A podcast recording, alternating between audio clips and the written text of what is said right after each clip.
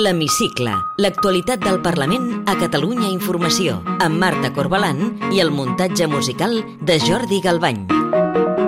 Avui a l'hemicicle posarem el focus a la immigració després que aquesta qüestió s'ha situat al centre del debat polític. En concret ens fixarem en com gestionen aquest fenomen tan complex dos alcaldes de Junts per Catalunya, el de Calella, el Maresme i el de Guissona, a la comarca de la Sagarra. Parlarem també amb el vicepresident i portaveu de Junts, Josep Rius, amb qui analitzarem l'escenari polític que s'obre després que el seu partit ha impedit que s'aprovés aquesta setmana la llei d'amnistia. Benvinguts a l'hemicicle.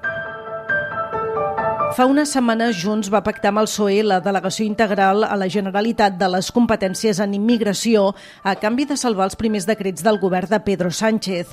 El partit de Carles Puigdemont reclama, per exemple, que Catalunya pugui gestionar els fluxos migratoris, els permisos de residència i treball dels nouvinguts i també poder fixar les condicions per poder expulsar del país els immigrants que siguin delinqüents multireincidents. Una petició, aquesta última, que ja va fer l'alcalde de Calella, Marc Buc, el desembre passat, passat amb el suport de la resta d'alcaldes de Junts del Maresme. Per nosaltres l'important és el delinqüent, sigui migrant o sigui autòcton, per dir alguna cosa, a la presó Llavors, si a més a més, no, si a més a més la circumstància de que és, ha vingut a casa nostra, no a integrar-se, no ha vingut doncs, a treballar com fa la, la majoria de la població, doncs aquesta persona no té que a casa nostra. Eh? Els delictes en aquesta població del Maresme van augmentar un 20% l'any passat, molt per sobre de la mitjana catalana. Un grup d'11 persones multireincidents ha atemorit el municipi aquests últims mesos amb baralles i robatoris constants a comerços, turistes i veïns. Són joves extutelats, la majoria immigrants, que en total sumen més de 260 detencions. Després de les reiterades queixes de l'alcalde, s'ha aconseguit que vuit d'ells ja estiguin en presó provisional. Buc demana que es lluiti contra la multireincidència i que no es deixin aquests debats en mans de l'extrema dreta. Aquest és un debat que l'hem de tractar, no podem fer des del discurs bonista i deixar aquest debat en mans de l'extrema dreta perquè llavors ja sabem què passa. És un debat aquest que cal afrontar des de la centralitat del país de forma valenta, però el més important doncs, és mirar el problema de cara i no amagar el cap sota l'ala i solucionar-lo. L'alcalde de Calella defensa que Catalunya pugui assumir totes les competències en immigració perquè està convençut que des de la proximitat i el coneixement és més eficaç la gestió d'aquestes polítiques. A l'altre extrem de Calella hi ha el municipi de Guissona. En aquesta localitat de la Sagarra hi viuen 7.800 veïns, dels quals el 53% són immigrants. És el municipi de Catalunya amb el percentatge més alt de nouvinguts. A Guissona no hi ha problemes greus d'inseguretat i la taxa de delinqüència és baixíssima. L'alcalde Jaume Ars, també de Junts, posa el seu municipi com l'exemple que no es pot associar immigració i delinqüència. Per mi no té res a veure seguretat amb immigració.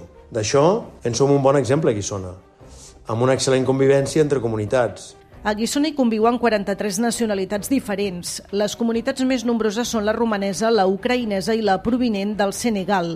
Pràcticament tots els nouvinguts tenen feina. Un 90% treballen al grup agroalimentari Bonària. Per encaixar aquesta riquesa de nacionalitats, l'alcalde va posar en marxa l'any 2020 l'anomenada taula de cohesió i convivència amb un objectiu clar. L'acollida la tenim molt ben, jo diria, dirigida el que passa que eh, nosaltres volíem fer un pas més i treballar per aquesta cohesió, no? perquè no tinguéssim zones i àmbits de Guissona que es poguessin crear certs guetos o certes diferències entre les comunitats que anaven arribant dels diferents països que anaven arribant a Guissona. La taula de cohesió reuneix un cop al mes per abordar possibles problemes i la integren tots els agents socials implicats en el dia a dia del municipi, com la policia local, Mossos d'Esquadra, els líders de les comunitats d'immigrants, els serveis socials o les entitats de voluntariat. L'alcalde Jaume Ars també ha ajudat a fomentar la convivència a través de les festes que celebra cada comunitat. En tota festa de cada comunitat, el Dia Nacional de, de Romania, que és el desembre, el Dia de la Independència d'Ucraïna, que és a l'agost, eh, la Tarenga, la festa de, del Senegal, que és al setembre. Ens vam obligar que estaríem representats a la resta de comunitats, no? sobretot les més nombroses. L'alcalde de Guissona reclama que Catalunya pugui assumir totes les competències en immigració i que els ajuntaments tinguin més recursos per poder garantir la integració dels nouvinguts. té la paraula. Soc Josep Rius, eh, vicepresident i diputat al Parlament de Catalunya. Benvingut al programa L'Hemicicle. El seu partit finalment ha complert l'amenaça i aquesta setmana ha bloquejat la llei d'amnistia al Congrés votant-hi en contra. Ara la llei tornarà a la Comissió de Justícia, on els grups hi poden negociar millores. En concret, el seu partit el que vol millorar és la llei per donar cobertura també als investigats per terrorisme i pel delicte de traïció. Creu que una opció seria reformar aquests dos delictes del Codi Penal? Nosaltres amb el que estem totalment orientats ara és um, aprofitar aquests 15 dies de pròrroga, per dir d'alguna manera, que tenim i que la llei d'amnistia retorna a la Comissió de Justícia del Congrés per tal d'enrobustir aquesta llei, el text de la llei, i que cobreixi aquests dos objectius que hem fixat des del primer dia, que un és que no quedi ningú fora d'aquesta llei, que, que abarqui a tothom, i l'altre és que la llei d'amnistia sigui eh, d'aplicació immediata. Per tant, continuarem treballant eh, en aquest sentit.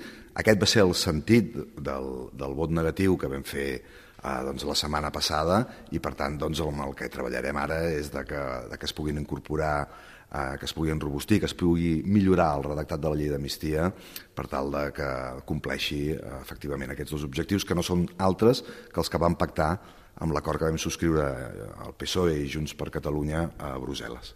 Diu que eh, el seu partit treballarà per enrobustir eh, el text de la llei d'amnistia. Això vol dir que volen que aquests canvis en terrorisme i en traïció quedin incorporats en el redactat de la llei al marge de possibles vies alternatives com podrien ser reformes del Codi Penal.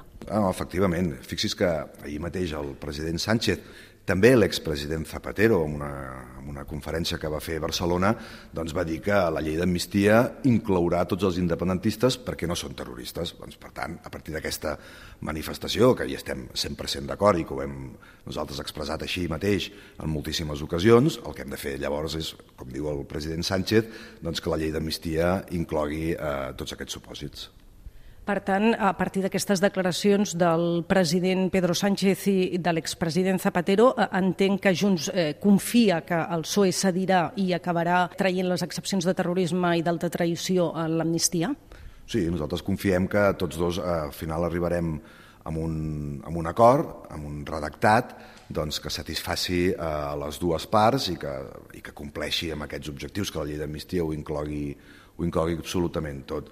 Miri, és que la diferència de l'amnistia amb els, amb els indults, jo crec que tothom ja la sap, i aquí no anem eh, com amb un indult que pots anar cas per cas i que van ser uns indults eh, VIPs, per dir que van afectar només a un gruix de gent eh, molt reduït, sinó que eh, una llei d'amnistia vol dir posar fi a la repressió que han patit i que pateixen doncs, centenars i centenars de, de persones, això per descomptat, i el que també vol dir és posar fi aquest aporellos que mai s'hagués eh, hagut de dur a terme, aquell aporellos que va dictar el rei el 3 d'octubre del 2017 i que ha portat a una judicialització de la política que no s'hagués hagut de, de produir mai.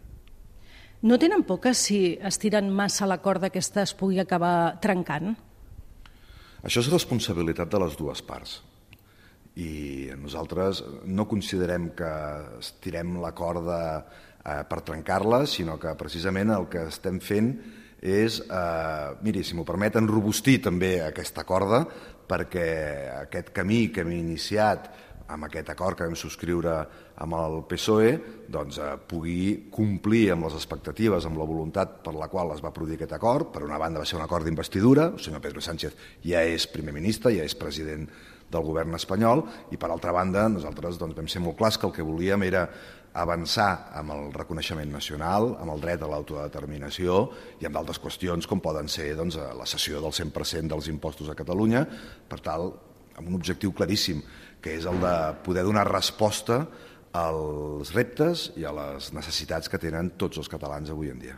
Un dels perills que alguns juristes adverteixen és que si es continua retocant la llei i introduint més esmenes, hi hagi el perill que la llei no passi el filtre del Tribunal Constitucional. Vostès eh, garantiran la constitucionalitat de la llei? Nosaltres creiem que la llei d'amnistia eh, és i serà totalment eh, constitucional.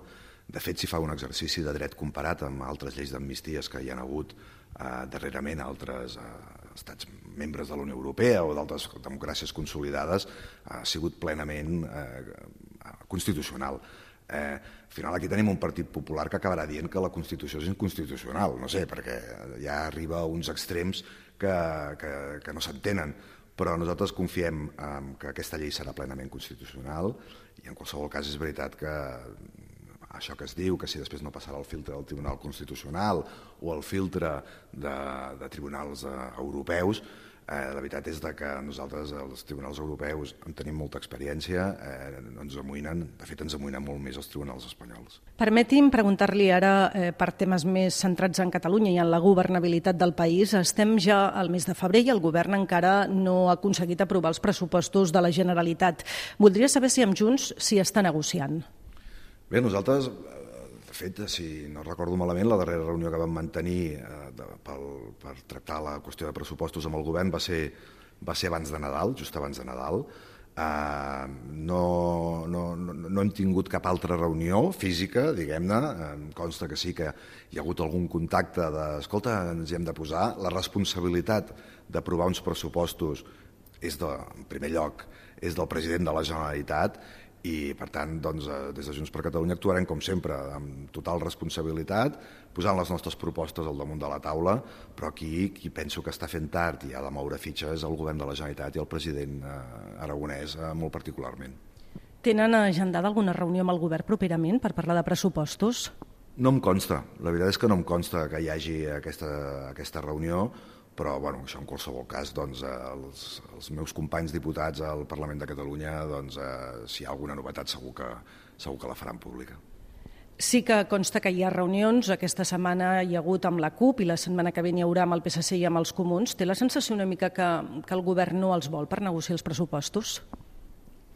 No sé, que això li hauria de preguntar al govern, en qualsevol cas, sí que és veritat que el que ens diu eh, el que ens diuen els precedents és que Esquerra Republicana doncs, eh, acostuma a pactar més les coses amb el, amb el Partit Socialista que no, pas amb, que no pas amb nosaltres. Justament fa una setmana, en aquest mateix programa, el nou viceconseller de Comunicació del govern, Sergi Sabrià, va dir que s'han de crear noves oportunitats per poder tornar a governar plegats amb Junts per Catalunya. Hi ha possibilitats d'un nou govern conjunt després de les pròximes eleccions catalanes? Bé, primer veurem quan són aquestes eleccions. És veritat que Esquerra Republicana s'ha posat en un mode electoral, ja ha designat el seu candidat, ja ha anomenat el senyor Sabrià com a viceconseller d'Estratègia i Comunicació, permeti'm que li digui, jo el veig més en temes de comunicació que no pas en estratègia, si més no a hores d'ara. Nosaltres estem totalment orientats amb, amb aquestes, amb treballar amb una llei d'amnistia, amb avançar amb el reconeixement nacional de Catalunya, amb donar resposta amb uh, totes el, les qüestions i els reptes i, les, i els problemes que tenen ara els ciutadans de Catalunya i que, i que volem, i que volem posar-hi remei i no estem en aquest mode electoral. També, permeti'm que li afegeixi, que és veritat que les negatives a fer coses conjuntament durant els darrers anys han vingut per part d'Esquerra Republicana i per tant doncs, nosaltres li hem demanat un canvi de rumb a Esquerra Republicana i en darrera instància eh, el que farà Junts per Catalunya quan el senyor Aragonès convoqui les eleccions doncs és optar a guanyar-les i lògicament a presidir el govern de la Generalitat doncs, amb la majoria més àmplia possible. Si li sembla bé, ens endinsem ara ja en el terreny més personal i li demano ara si pot contestar amb respostes al màxim de breu possibles. Digui'm dos adjectius que el defineixin a vostè. Bé, a vegades sóc eh, poc eh, ordenat, diguem-ne, però amb això tinc una gran sort, que tinc un molt bon equip que m'ajuda doncs, a, a posar ordre i doncs, eh, però de la mateixa manera doncs, sóc una persona també determinada i que m'agrada doncs, eh, d'alguna manera que les coses es facin i que les coses passin.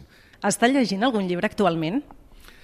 Doncs sí, estic llegint el darrer llibre de l'Agustí Colomines, Amnistia i Llibertat, dies que han fet a Catalunya i la veritat és que m'estic passant molt bé, estic aprenent molt, sempre m'agrada molt i llegeixo amb molt interès tot el que, tot el que escriu l'Agustí.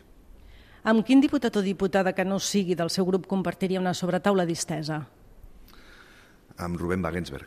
Té algun paisatge favorit? Sí, la serra, la serra del Cadí, a la Cerdanya. Sap cuinar? Sí, sí, m'agrada fer rossos, m'agrada fer peixos i sí, sí, m'agrada i a més em relaxa molt. I ja per acabar, completi la frase següent. El que més m'agradaria del món és... Doncs veure feta realitat una Catalunya independent. Josep Rius, vicepresident i portaveu de Junts per Catalunya, gràcies per atendre'ns de nou a l'hemicicle de Catalunya Informació. Moltíssimes gràcies a vosaltres.